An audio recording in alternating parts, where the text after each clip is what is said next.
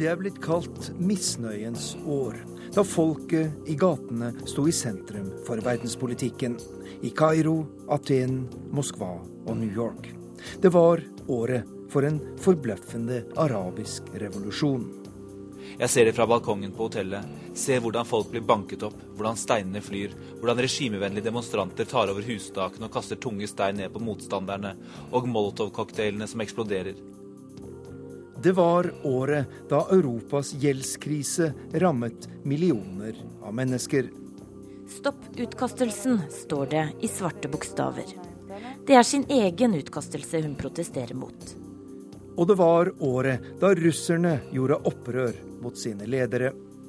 Var redd, galehus, stemmer på Putin. Sang 50 000 demonstranter til akkompagnement av en kjent popartist på Myrplassen, bare et steinkast fra Kreml i går.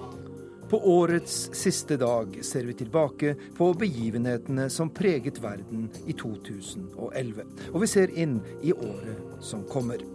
Velkommen til Verden på lørdag. Jeg heter Arnt Stefansen. Våren kom tidlig i den arabiske verden. En annerledes vår. Den arabiske våren. Et opprør vi aldri hadde sett maken til. I januar spredte det seg fra Tunisia til Midtøstens kjempe Egypt. Vår nåværende Midtøsten-korrespondent Sigurd Falkenberg Mikkelsen var i Kairo og skildret dramaet. Det begynte med kameler, hester og vogner. De dundret forbi, og rytterne jublet. Bak dem fulgte mennesker med flagg, unger og kvinner. Ved første øyekast syntes jeg det så ganske uskyldig ut.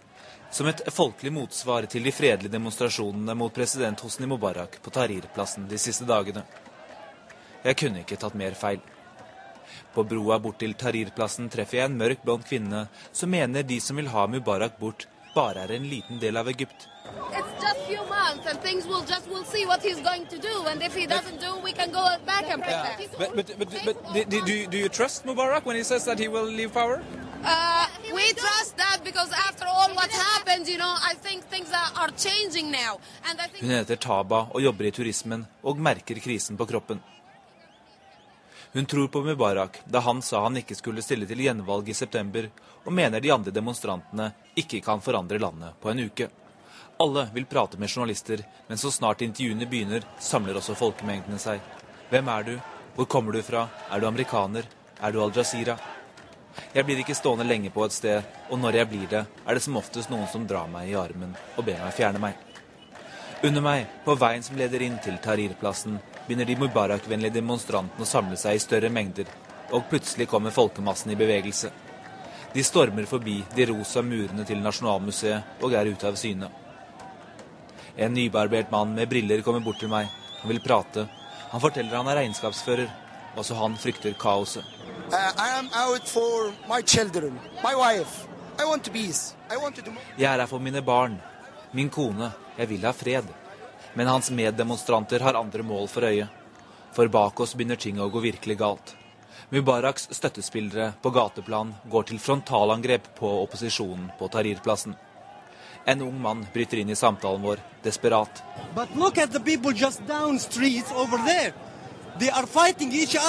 Like. Som igjen blir avbrutt av en tredje. Some say, some people, some people want Mubarak to leave. Og diskusjonen blir virkelig opphisset. Det står om død og liv rett bortenfor oss. Yes, deserve to die there. Yes, no died. You must allow to. Look at look at them. they are dying. Yes, they are so I dying. am died no eat. Mubarak, Mubarak make them to. Til slutt kommer en guttegjeng. Pumpet opp på adrenalin begynner de å skrike.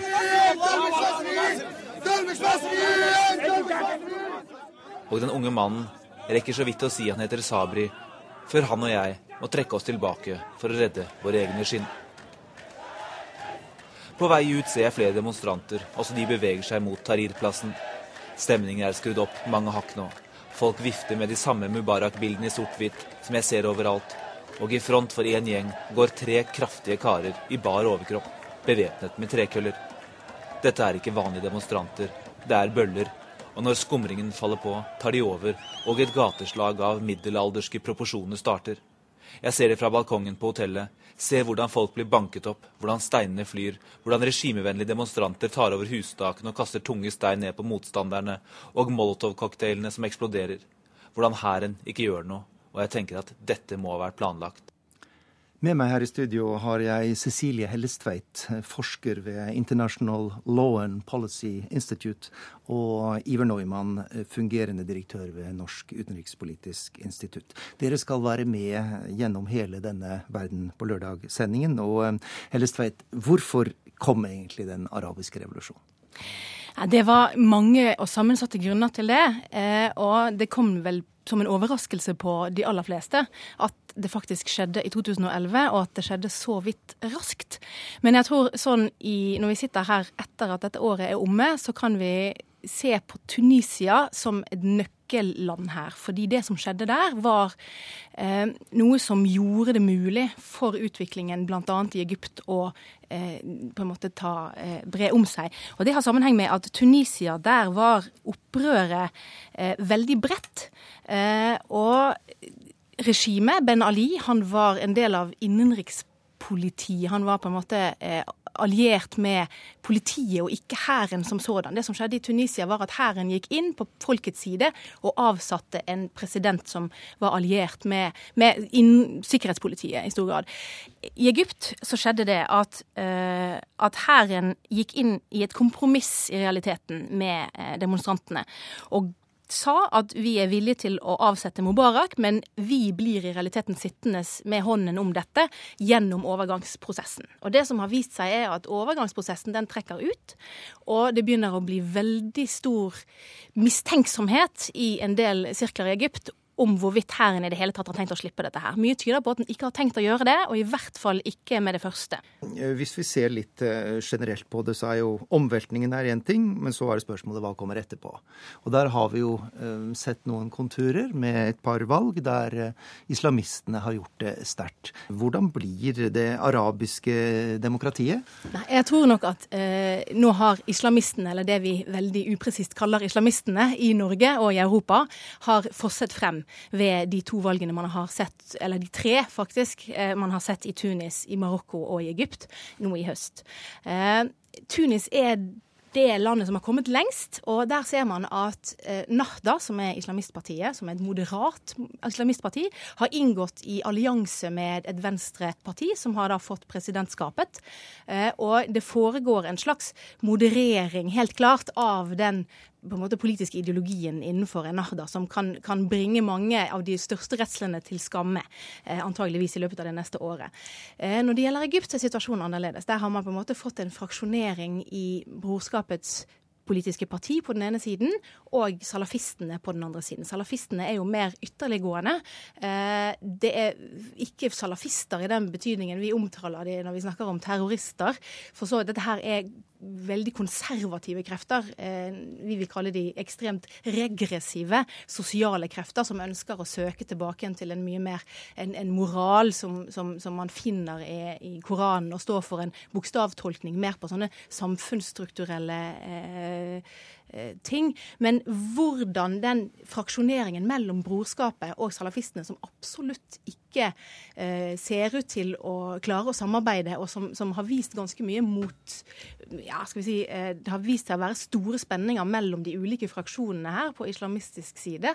Eh, det er noe som kommer til å vise seg enda mer i løpet av det neste året. Og det vil bli tydeligere antageligvis for alle at å snakke, snakke om politisk islam er bortimot eh, det nærmest en ubrukelig eh, betegnelse fordi den rommer så uendelig mye i den arabiske verden, eller den muslimske verden i dag. Eh, det er jo ikke ukjent, eh, heller ikke fra kristendommens historie, at veldig mye politikk skjer innad i en religiøs ramme. Det er igjen verdenshistoriske regel. Altså Verdslig politikk er et veldig nytt fenomen. Så at denne avskallingen og polariseringen skjer innen en religiøs ramme, det er akkurat sånn som man ville vente fra sammenlignende studier. Og jeg vet jo ikke hvordan styrkeforholdet mellom disse to gruppene monner være. Og jeg legger merke til at folk som kan mye om det, også er i stuss. Og det er en av grunnene til det. Det er jo at eh, et sted som Egypt er nå fulle av et typisk revolusjonært eksempel, nemlig små komiteer, små grupper, som skyter opp. Noen av dem politisk orientert, noen av dem eh, sivilsamfunnorientert. Eh, Og det er idet de gruppene går sammen i større eh, politiske bevegelser at det virkelig blir interessant. For det er jo slik at eh, de gruppene som er hierarkisk ordnet, og som vet hva de vil, de kommer til å vinne. Men eh, kort til slutt, eh, Cecilie Hellestvedt. Eh, kan vi allerede nå slå fast at eh, det arabiske demokratiet blir noe annet enn det vest, vesteuropeiske og amerikanske? Ja, det tror jeg eh, de neste årene vil vise, og det tror jeg også de aller fleste arabere eh, er innstilte på selv. I februar kom Tysklands forbundskansler Angela Merkel med følgende optimistiske erklæring. 2011 skal bli året da vi gjenvinner tilliten til euroen. Men som vi vet, det ble så som så med tilliten, og krisene sto i kø. I Hellas, Portugal, Irland, Italia og Spania. Og selv om det har vært snakket mye om penger og tall, så handler eurokrisa først og fremst om mennesker. NRKs europakorrespondent Hege Moe Eriksen laget denne reportasjen før parlamentsvalget i Spania den 20. november. Deste portal la, la Rosario, que estaba ya asomada antes. Azucena Morsillo, 29 år og trebarnsmor. Denne dagen travelt opptatt med å henge plakater ut av vinduene i blokka hvor hun bor i Madrid. Stopp utkastelsen, står det i svarte bokstaver. Det er sin egen utkastelse hun protesterer mot. Azucena er arbeidsledig og klarer ikke lenger betale avdragene på huset. Nå skal hun og familien kastes på gata. Pues que, que pienso de eso, que es increíble. Todavía estoy que no me lo creo. O sea, no me lo creo todavía. ¿Y cuánto dinero debéis? Pues me están pidiendo 49.000 euros. ¿Cómo, ¿Cómo se siente en una situación ahora? ¿Cómo, Pues, cómo te sientes impotente porque ves que nadie te escucha, no hace nadie nada por ti. Bueno, sí, De ber meg om å betale 49 000 euro, sier Azucena. Penger hun ikke har. Jeg føler meg helt maktesløs, sier hun. pues te sientes estafada y sin poder hacer nada. Azucenas skjebne deles av mange i kriserammede Spania.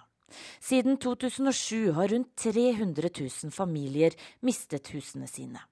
De betaler prisen for en krise som har rammet Spania hardt. I morgen går 46 millioner spanjoler til valg, og tidspunktet kunne knapt vært dårligere for sittende regjering. Denne uka spratt renta på lån til Spania opp til nær 7% en kritisk grense for hva landet kan klare. Og mens økonomien spås å være på veien i nye nedgangstider, har arbeidsledigheten vokst til 22 en dyster rekord i EU. Y cortar, pues mire, de los presupuestos generales del Estado habrá que cortar de todas partes salvo la partida de pensiones. Kortar, kutte, er det eneste opposisjonsleder Mariano Rajoy kan tilby spanjolene.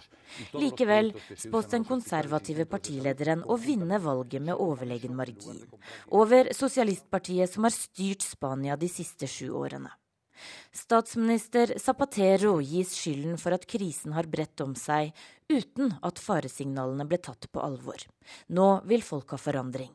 Bueno, yo creo que podríamos decir que en primer lugar hay un enorme de la ciudadanía con las últimas decisiones adoptadas aproximadamente hace un año y medio por el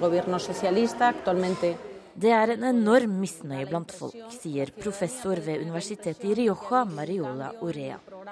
Folk har inntrykk av at regjeringen ikke har holdt det de har lovet. Offentlige ansatte har fått kuttet i lønningene sine, og Spania har måttet innfri tøffe krav fra EU.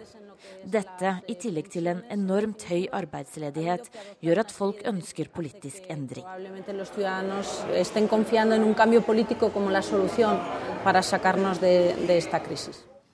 Og høyresiden vant en klar seier ved det spanske parlamentsvalget og tok over regjeringsmakten nå i desember. Eh, Iver Neumann, hva er de mest alvorlige følgene av den europeiske gjeldskrisa? Det er at eh, oppslutningen om eh, et felles politisk prosjekt er utfordret. Og det største som har skjedd der, er to ting. Det ene er at arbeidsledighetstallene, som jo også ble nevnt her, skyter i været i det sørlige Europa. Og det andre er at Storbritannia eh, nok en gang har valgt å legge avstand til sine europeiske partnere. Cecilie Hellestvedt, hva vil du si er status når det gjelder denne gjeldskrisa nå ved årsskiftet?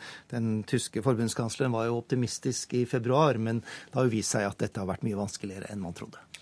Det man eh, observerer, er jo at gjennom særlig det siste året så har holdningen til det europeiske samarbeidet i en rekke europeiske land endret seg. Ikke bare på en måte på politisk offisielt plan, men også blant folk flest. For euroen, altså det økonomiske samarbeidet eh, som førte frem til innføringen av euroen i 1999-2000, var jo på en måte eh, slik at euroen skulle være det store integreringsinstrumentet for Europa. Og det har for så vidt vært en stor suksess, eh, og undersøkelser som ble vist senest for to til tre år siden, viste at folk flest var meget fornøyde med euroen, At kunne aldri tenke seg å komme tilbake til sine respektive valutaer. Men det har jo forandret seg dramatisk i løpet av 2011. Og nå snakker man jo om i land etter land hva skal vi gjøre for å komme oss ut av dette her? Vi har ingen exit-mulighet. Dvs. Si vi blir tvunget til å være i et eurosamarbeid hvor den stadig dårligere situasjonen etter hvert vil bli kanalisert inn mot EU som politisk prosjekt. Et av hoveddramaene her er jo at eh, man helt siden begynnelsen på 50-tallet har hatt et stadig valg når det gjelder hvor man skal gå med det europeiske prosjektet. Skal man trekke seg tilbake og stoppe det, eller skal man gå enda nærmere? Fordi hovedteorien er at jo mer man integrerer, jo mer man fører sammen de forskjellige økonomiske og politiske områdene, jo mer blir presset på at man skal føre sammen enda mer. Og det er jo akkurat situasjonen her. Å ha en felles sentralbank uten å ha andre deler av økonomien felles, er, som enhver økonom vil fortelle, en litt ulogisk måte å legge dette opp på i et styringsperspektiv. Slik at eh, det, det, jeg vil tro blir, blir, resultatet av dette, blir en, en, en, sterkere integrering i Europa. Så kommer spørsmål nummer to. Kommer alle landene til å være med på det, eller kommer noen til å havne i en ytre sfære? Eh, et av de mest dramatiske utslagene av denne krisa er jo arbeidsledigheten, massearbeidsledigheten. Og man snakker om en tapt generasjon, særlig i Sør-Europa. Det som plager meg, er eh, i hvilken grad det er politisk eh, vilje til å gjennomføre mye sterkere arbeidstiltak i Sør-Europa. Altså I Norge har vi noe som heter arbeidslinja, hvilket vil si at man skal ha flest mulig i mest mulig jobb. Og dette er det jo på tide at man begynner å ta alvorlig også i Sør-Europa. Jeg har bodd i Italia et år. Og folk lever jo herrens glade dager, og det er mat, og det er vin, og det er sang. Og det er jo supert. Veldig hyggelig, spesielt for oss som kommer fra nord og, og ikke er vant til at det skal være slik. Men det betyr jo også at det er korte arbeidsdager, og man pensjonerer seg når man er i 50-årene osv. Det blir jo ikke noe schwung på en økonomi av det. og Sett fra Tyskland, hvor man jobber som elger, så er det klart at dette er ganske forstemmende. Hvorfor skal tyske arbeidere jobbe skjorta av seg, mens grekerne sitter og drikker rosa? Slik at uh, Dette er jo et spørsmål om å få orden på det man faktisk har. Det er ikke uh, slik at det bare er strukturelle problemer her. Det er også rett og slett den politiske vilje til å øke arbeidsinnsatsen. Men spørsmålet er jo også til syvende og sist hvem skal bestemme dette? Skal det være noen som treffer den bestemmelsen som eh, fremstår som veldig ubehagelig for særlig en del politiske lederskap lenger sør. Og er det til syvende og sist Tyskland som blir sittende igjen med den æren slash byrden av å ha bestemt det. Det er flere land i Europa hvor man etter hvert begynner å snakke stadig mer om det fjerde tyske riket, da av en helt annen karakter naturligvis enn de tre foregående, men det er likevel en sånn gammel frykt for et Europa som er for dominert av Tyskland og tysk måte å gjøre ting på som gjør seg gjeldende lenger sør i Europa.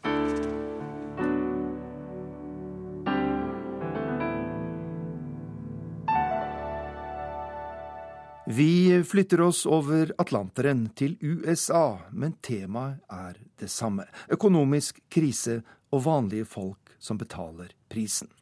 I 2011 vokste en ny protestbevegelse ut av krisa, Occupy Wall Street, og vår USA-korrespondent Anders Tvegård møtte demonstrantene som la seg i telt like ved New York-børsen. Wealth and power is in 1% of the people's hands, and we're the 99. Steff ble rekruttert for noen dager siden, og nå sitter hun bak et plastikkbord og får nye frivillige til å melde seg på til å organisere, hente mat, skrive artikler, danne arbeidsgrupper, kort sagt hjelpe til.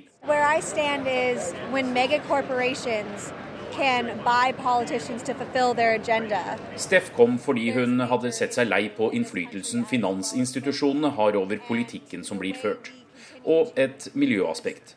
Hun er redd for at naturressursene utnyttes bare for å gjøre de 1% rike rikere. No.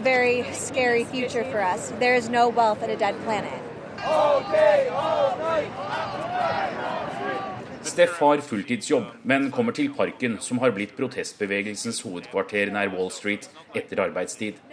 I dag har hun vervet minst 100 nye frivillige, mange av dem spørrende til målet med bevegelsen. Message,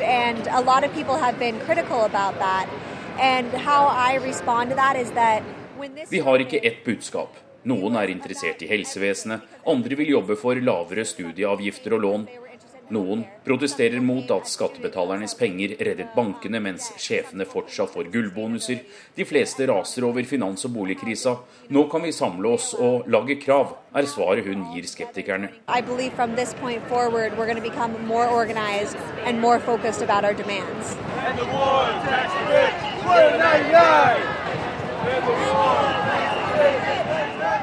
Den løst sammensatte protestbevegelsen har fått støtte fra fagorganiserte lærere og transportarbeidere.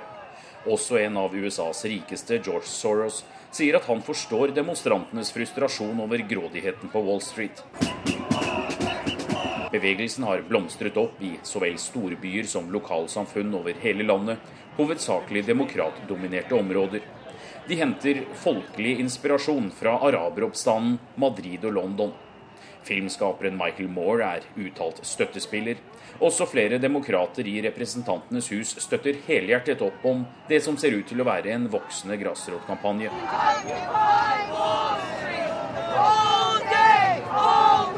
Okkupererbevegelsen hevder de vil fortsette så lenge det er nødvendig.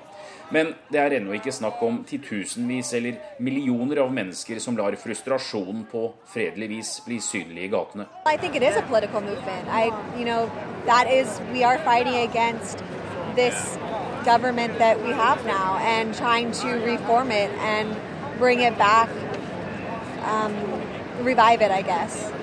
Where will you be in six months? Hopefully here.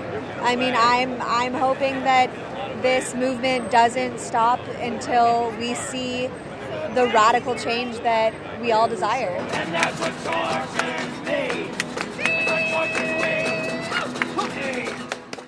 Iver Neumann, hvordan vurderer du den økonomiske situasjonen i USA nå ved, ved årsskiftet?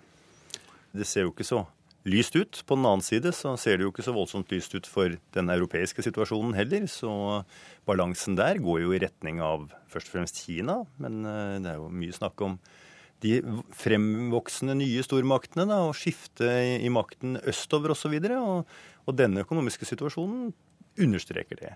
Men politisk syns jeg det er kjempeinteressant med Occupy Wall Street. eh, Ikke minst fordi en av hjernene bak er en kar som kommer fra en gammel familie av såkalte anarkosyndikalister. Og det er altså en liten motstandsgruppe i Storbritannia som vokste ut av det såkalte International Workers of the World, som var veldig aktive i årene før første verdenskrig, og som har vært en undergrunns protestbevegelse i Storbritannia i over et århundre. Men økonomi og de sosiale følgene av krisa vil selvsagt prege valgåret eh, 2012. Hvordan tror du, eh, Cecilie Hellestvedt, at eh, Obama vil spille dette kortet eh, i valgkampen? Nei, altså det er jo ikke så enkelt. Eh, verken den økonomiske situasjonen eh, eller en del av de andre tingene som har skjedd eller ikke har skjedd på hjemmebane i USA. Eh, Obamas sterke eh, sterke kort er vel utenrikspolitikken, hvor det ikke har vært noen store blummerter, og hvor, hvor han faktisk er ganske lite sårbar. Eh, Pga. at han har tatt ut bin Laden, og pga. Gaddafi, og pga. En, en, en relativt positiv måte å, å tilnærme seg Asia på. Eh, Men det er klart innenrikspolitisk er det, er det mye vanskeligere. Men det er klart eh, spørsmålet om hva valgåret bringer, handler mye om hvem han skal stå imot. Hvem er det som blir valgt på republikansk side? Og det er jo et, eh, et stort spørsmålstegn hittil også. fordi at eh, det å lede republikanske, det republikanske partiet i disse dager er jo ingen lett eh, eksersis. Eh, med et parti som står i en ideologisk spagat, og med ingen gode kandidater, og hvor alle potensielt gode kandidater har trukket seg én etter én veldig veldig tidlig, eller har faktisk ikke blitt overtalt til å stille som presidentkandidat. Så det er klart, Sett i det lyset så, så spørs det hvor mye dette kommer til å, å bli utfordrende for Obama til syvende og sist, fordi det blir ikke det store racet mot den store republikanske eh, presidentkandidaten som kan komme inn og ta eh, USA på den måten som Obama selv gjorde for fire år siden. Noe av svaret på dette med hvem som blir motkandidaten, får vi jo eh, allerede nå ved inngangen til 2012, eh, med nominasjonsvalgene i Iowa og New Hampshire. Ehm, hvem tror du, Iver Neumann, vil eh, gå av med seieren når det gjelder hvem som skal stille mot Obama? Jeg tror det blir Mitt Romney. Hvorfor det? Han er den som Altså, Altså, Det republikanske partiet er jo blitt særingenes parti. Altså, Folk er jo, så, er jo blitt så ekstreme at, eh, at, at, gamle Sarah Palin, som har satt en standard for hvordan kvinnelige republikanere skal te seg, nå virker nærmest moderat. Og sett i et europeisk lys så var jo hun ganske rabiat. Så her har det skjedd noe ganske hårreisende. Problemet med Mitt Romney er jo at han er eh, mormon. Og det er en eh, variant av kristen tro som mange andre kristne holder for å ikke være kristne i det hele tatt. Og i et, eh, et sterkt religiøst Amerika vil det være et kjempeproblem. Nå finnes det 15 millioner mormoner eh, verden omkring. Det finnes 4300 i Norge. Og skandinavene har jo vært veldig tett knyttet opp til den mormonske bevegelse nesten helt fra begynnelsen av. Eh, jeg tror at Romney fremstår som såpass, såpass innarbeidet, såpass del av det amerikanske politiske maskineriet at det der kommer til å gå ganske greit. Men i og med at vi har krystallkulen fremme, så vil jeg likevel tippe at han taper, rett og slett fordi Obama sitter der som, eh, som president eh, og nok vil vinne.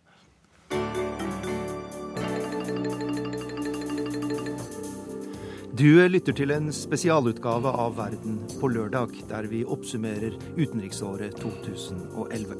Videre i denne sendinga skal vi til Japan, som ble grusomt rammet av naturens herjinger. Til Russland, der et snuskete parlamentsvalg tente folkets raseri. Og ti år etter 11. september skjedde det ufattelige. At Norge ble satt på terrorens verdenskart. Og årets siste korrespondentbrev er postlagt i London. Det var den største katastrofe i landet siden den annen verdenskrig, og det kraftigste jordskjelv i landets historie. Jordskjelvet og kjempebølgene som rammet Japan i mars i år, utslettet hundrevis av byer og landsbyer i den nordøstlige delen av landet, og ufattelige 16 000 mennesker mistet livet. Vår Asia-korrespondent Anders Magnus var der og sendte oss bl.a. denne reportasjen. Lyden av brente metallplater som løftes opp av soldater med verneutstyr og ansiktsmasker.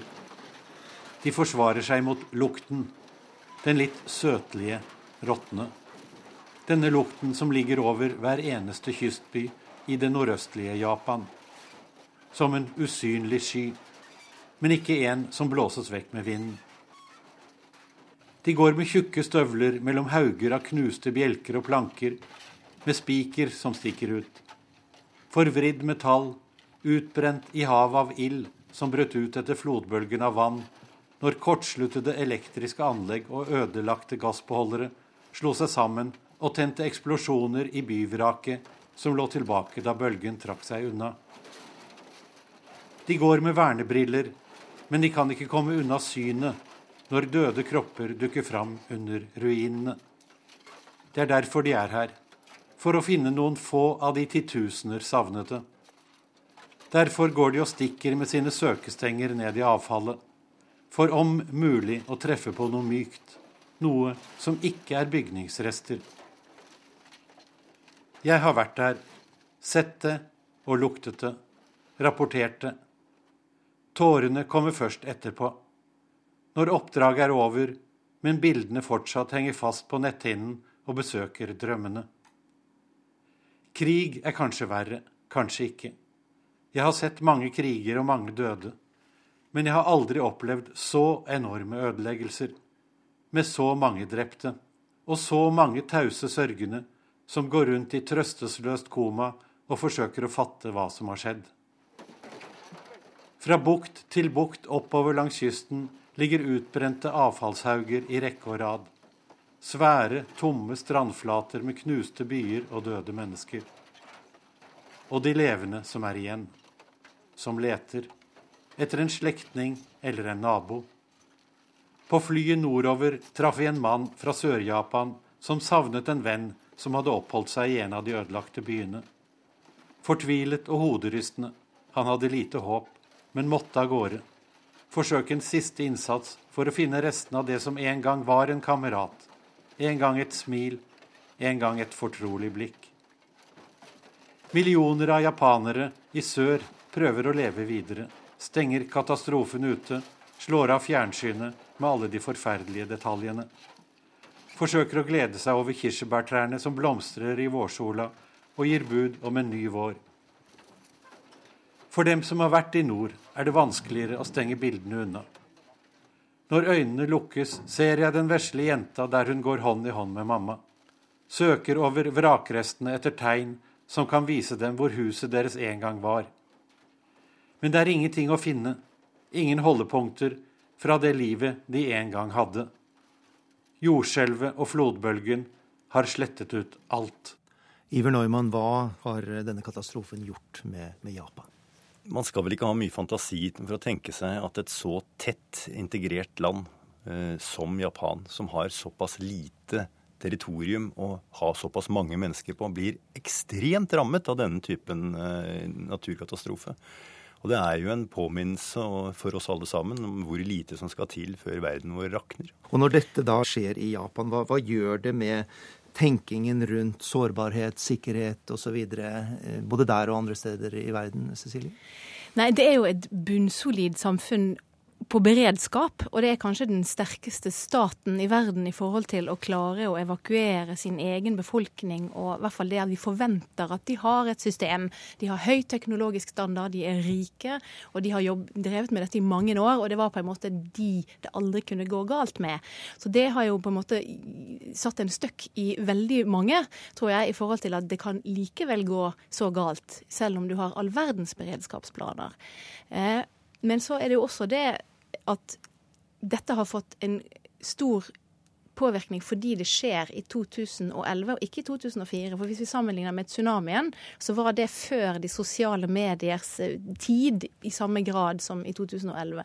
Og vi har sett så mye bilder, og vi har sett så mye eh, Vi har på en måte fått dette rett inn, ikke i stuen via fjernsynsskjermen, men inn på mobilen vår med personlige meldinger enn det vi gjorde tidligere. Så det, er på en måte, det, en, det blir enda nærmere enn det eh, tidligere naturkatastrofer har, har vært. og Japan er jo et, et, samfunn som har en, skal vi si, en levestandard som er lik vår egen i Europa og i, i Vesten. Og det har jo vel også gjort at, at eh, måte vår evne til å sette oss inn i deres situasjon har vært større enn det som ofte skjer når, når ulykken rammer andre steder som er lenger vekke, også rent sånn materielt sett. Og I tillegg til jordskjelvet og tsunamien så opplevde jo Japan en dramatisk kjernekraftulykke da tre reaktorer smeltet ned i Fukushima-kraftverket. Eh, hva var reaksjonene på denne atomulykken i Japan og internasjonalt?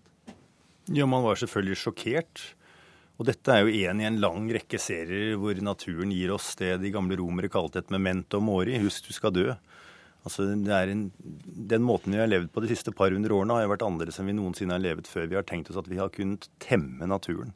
Og Med jevne mellomrom så minner naturen oss på at dette her går jo ikke. Jeg holdt på å si jeg, man kan vel neppe si jeg om naturen, men altså meldingen fra, fra naturen, fra moder jord, fra Gaia om du vil, er at uh, nå får dere oppføre dere ordentlig, ellers så kaster jeg dere av. Eller så ryster jeg dere av. Og den beskjeden trenger man jo, da. Altså når, det det kjerne, altså når det gjelder det kjernefysiske, så hadde jo dette direkte påvirkning på den kjernefysiske debatten kloden rundt. Tyskland er jo et eklatant eksempel. Ja, tyskerne tok beskjeden fra moder jord, og det var kjempedemonstrasjoner over hele landet. Noe som førte til at regjeringen gjorde en helomvending, en veldig forbløffende helomvending i, i denne saken. Og øh, denne eh, miljørevolusjon i, i, Tyskland. Eh, Cecilie, hvordan vil du eh, skildre den? Nei, altså den, den, viser jo på en måte at uh, det tyske lederskap tar grep. Det de gjorde her, var at, at, de bestemte seg for at Tyskland skulle bli den første store industrinasjonen i verden til å si vi skal ikke ha mer kjernefysisk kraft etter 2022. Selv om ingen egentlig da vet per i dag hvordan de skal klare å gjøre dette her rent faktisk. Jeg tror ikke den debatten der er over i det hele tatt. Vi skal ikke lenger enn til Frankrike, så ser vi at uh, atomkraft fortsatt er tingen. Og eh, for dem som mener at karbon er den største utfordringen vi har i verden i dag, så er jo atomkraft det, det åpenbare svaret. Det er, eh, Karbonkostnadene ved atomkraft er null. Og da må man jo begynne å veie for og imot. da. Altså Hvis man f.eks. skal bruke brunkull, som, som er tilgjengelig i Tyskland, så er det noe av det mest forurensende vi har. Hallo? Hallo? Noen som trenger hjelp? Ti år etter 11. september-terroren i USA skjedde det ufattelige. Fredelige Norge opplevde et av de største terrorangrep i verden i 2011, med 77 dødsofre. De fryktelige ugjerningene på Utøya og i Oslo dominerte de internasjonale nyhetssendingene i flere dager. Og eh, aller først, har en nyhet fra Norge noen gang fått en slik internasjonal oppmerksomhet? Ikke med et slikt fortegn, i hvert fall. Det tror jeg neppe. Eh, det var jo noe veldig sjokkerende både i måten dette ble gjennomført på, eh, og at det skjedde i Norge, som er et land som i hvert fall har rykte på seg for å være et land med svært lave sosiale motsetninger og politiske spenninger. Eh, og der ute i verden er vel også vår etter hvert kanskje litt kontroversielle rolle i, i eh, visse områder av verden ikke så kjent. Eh, så det var nok en viss undring over at dette her skulle, skulle ramme Norge. Men jeg tror at litt av oppmerksomheten som eh, kom mot dette angrepet, var også at det var det første i sitt slag med en ensom ulv som var i stand til å organisere et så stort, koordinert angrep som dette her.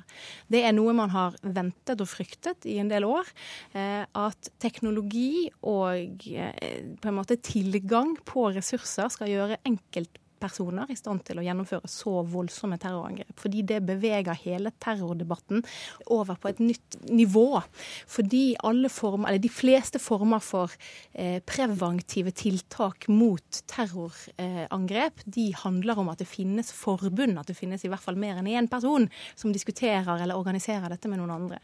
Og det er klart Når man har enkeltmennesker som har for det første en ideologi eller et tankesett som gjør at det ønsker å ramme et samfunn, eh, og samtidig kjenner det samfunnet så godt og er i stand til å skjule sine spor og bygge dette her opp, så blir det fryktelig vanskelig for samfunnet å, å beskytte seg mot det. 2011 var jo også året da Al Qaida-lederen Osama bin Laden ble oppsporet og drept av amerikanske spesialstyrker. Dette skjedde i mai. Hva betyr det for den internasjonale kampen mot, mot terror? Det kommer litt an på hvordan du definerer kampen mot terror. Hvis det er kampen mot den gruppen som sto bak 11.9, så er det selvfølgelig en symbolsk avslutning som skjer når man tar ut bin Laden. Men det er klart, den delen av Al Qaida har vært på en måte vingeklippet i mange år allerede. Og det er ikke der på en måte utfordringen kommer i krigen mot terror, eller kampen mot terror, eller hva man måtte ønske å kalle det. Eh, det er fra avlegninger av Al Qaida-ideologien og veldig mange andre hold. Og etter hvert dessverre stadig flere andre hold. Så i forhold til kampen mot terror, ja, så var det en symbolsk veldig viktig milepæl at eh, bin Laden ble tatt i 2011. Men, eh, men, kampen mot terror, som jo er en kamp som man ikke kan vinne per definisjon, eh, den fortsetter med nær sagt uforminsket styrke.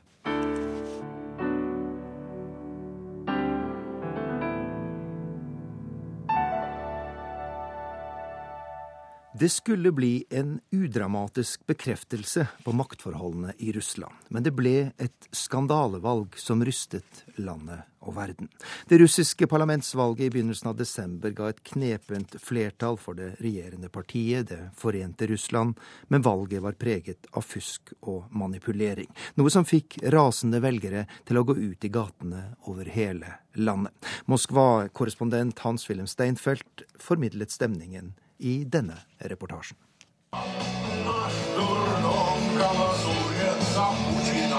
Et redd, galehus, stemmer på Putin. Sang 50 000 demonstranter til akkompagnement av en kjent popartist på Myrplassen, bare et steinkast fra Kreml i går.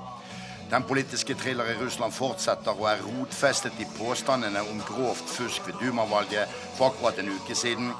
Putins parti Forent Russland kan ha tusket til seg så mye som 20% av stemmene. Russlands aller mest berømte krimforfatter Badis Akunin krevde fra podiet at Kreml straks må forhandle med en tremannskomité som målbærer demonstrantenes krav om omtelling eller nyvalg.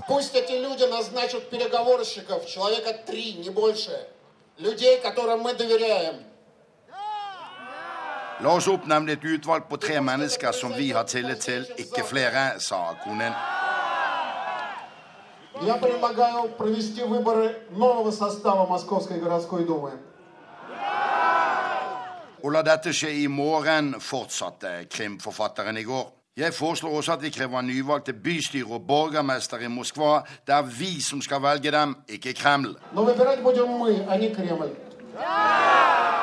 Appellerte mannen som er Russlands svar på Jo Nesbø til stor jubel.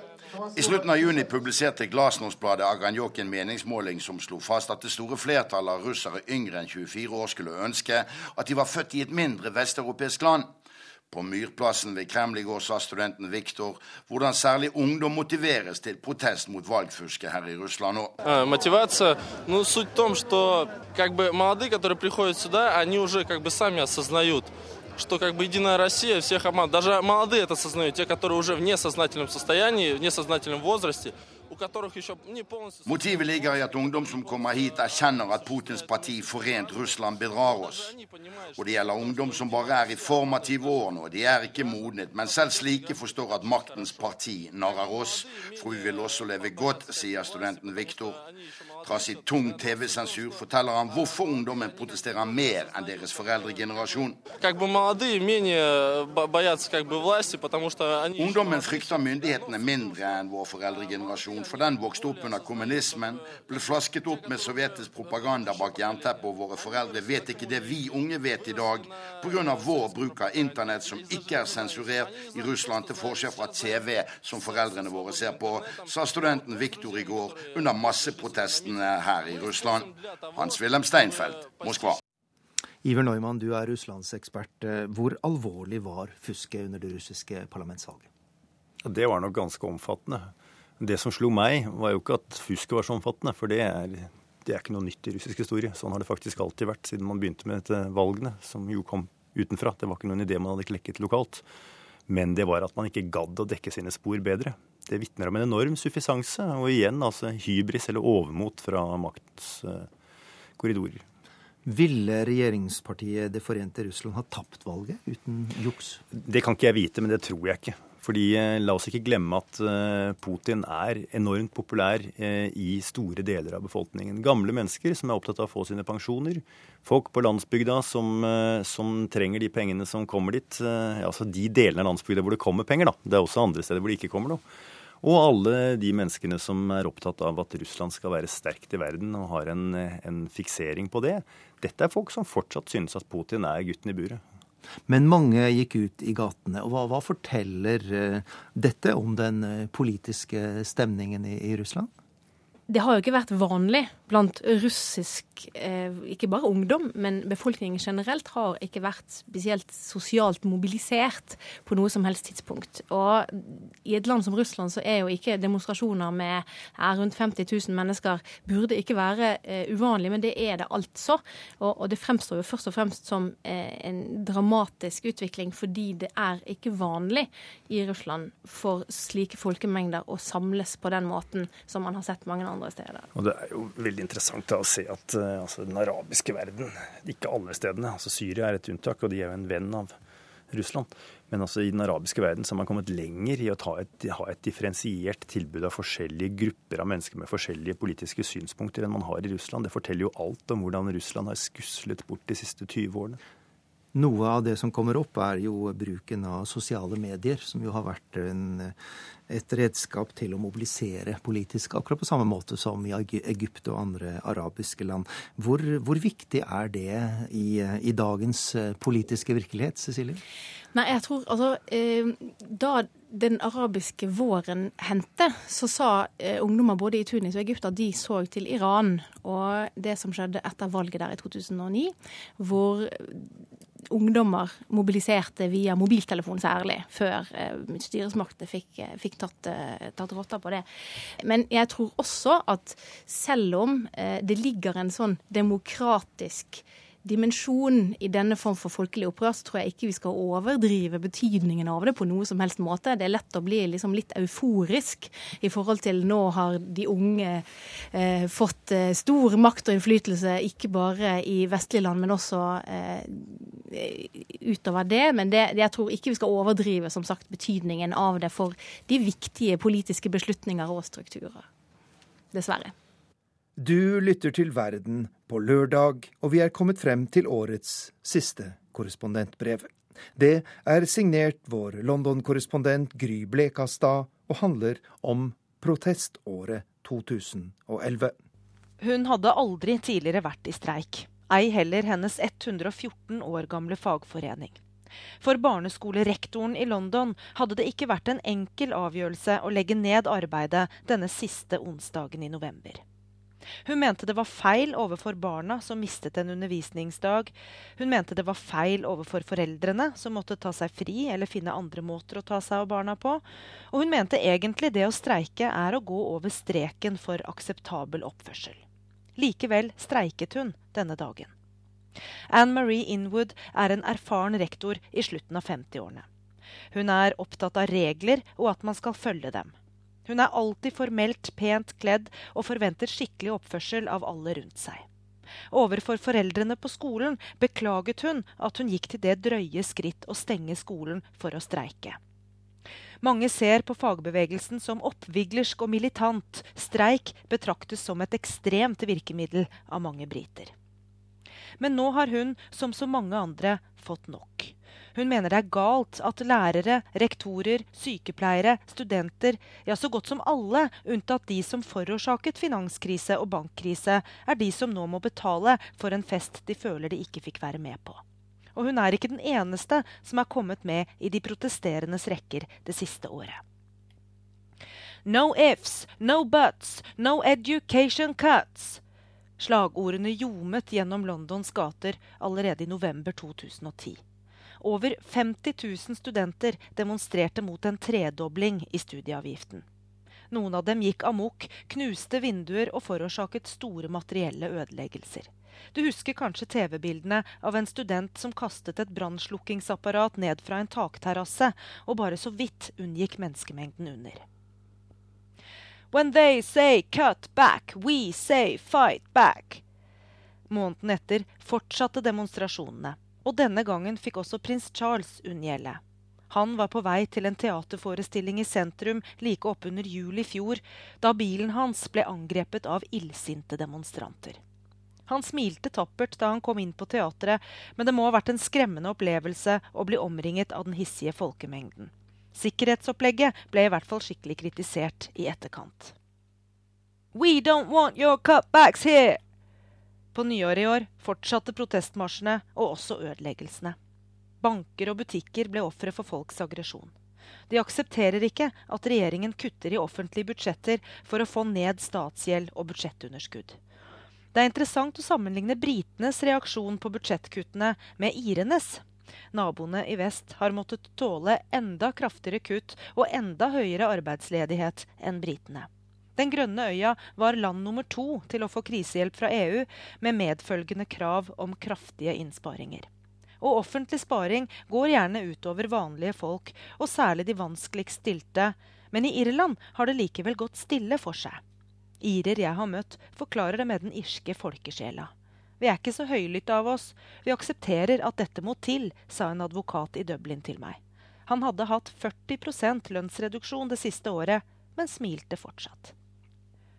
Men i Storbritannia kulminerte situasjonen i august i år, i opptøyer landet ikke har sett maken til. Londons fattige bydeler sto i brann. Stimer av folk tok seg inn i butikker gjennom knuste ruter mens innbruddsalarmene ulte. Ingen politi i sikte. Alle slags mennesker tøyt ut igjen med armene fulle av stjålne varer. Opptøyene pågikk i flere dager og spredte seg rundt i landet. Fem mennesker ble drept og flere tusen arrestert. Oppvasken pågår fremdeles. Opptøyene skilte seg fra demonstrasjonene. De var en protest mot politiet, ikke politikerne. Men det endte ikke der. Også politikerne fikk mer. I oktober beleiret antikapitalister plassen foran St. Paulskatedralen i sentrum av London. Jeg er flau over å si at dette er hjemlandet mitt. Lee Ryan står med sekken på ryggen og feiekost i hånda mellom teltene utenfor St. Pauls.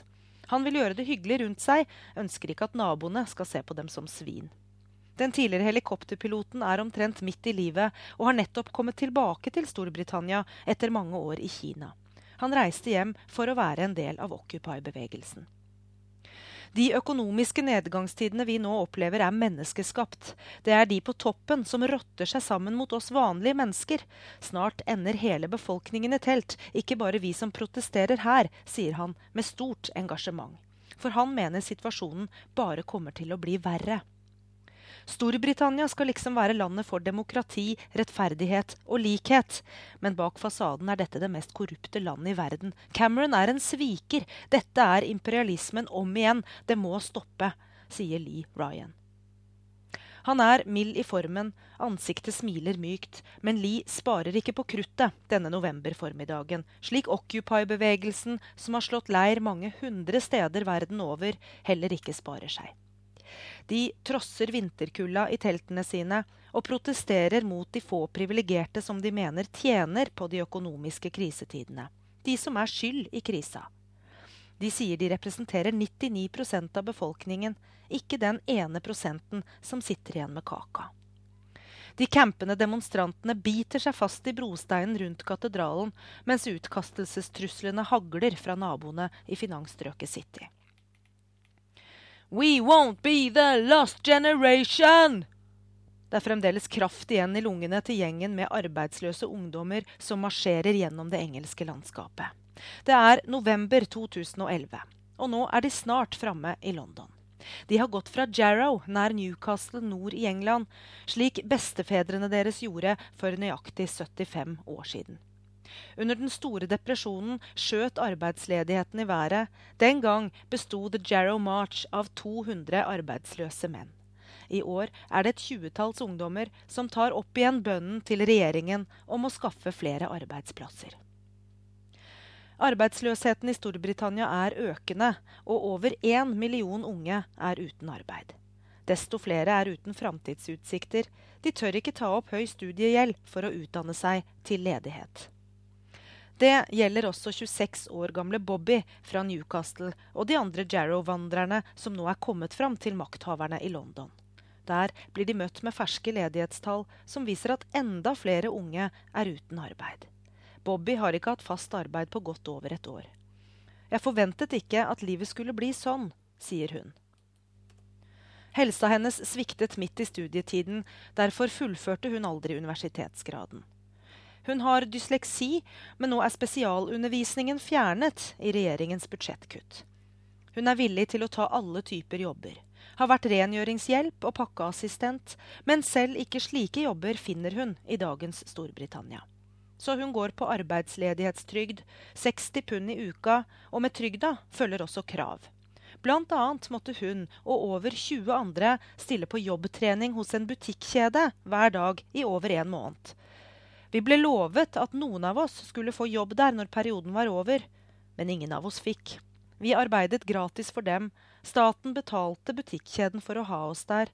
Arbeidsgivere beriker seg på vår vanskelige situasjon, sier Bobby, som ser mørkt på framtida. Mørkt var det også for 33 vintre siden i Storbritannia. En vinter som fikk tilnavnet The Winter of Discontent, tatt fra Shakespeares Richard III.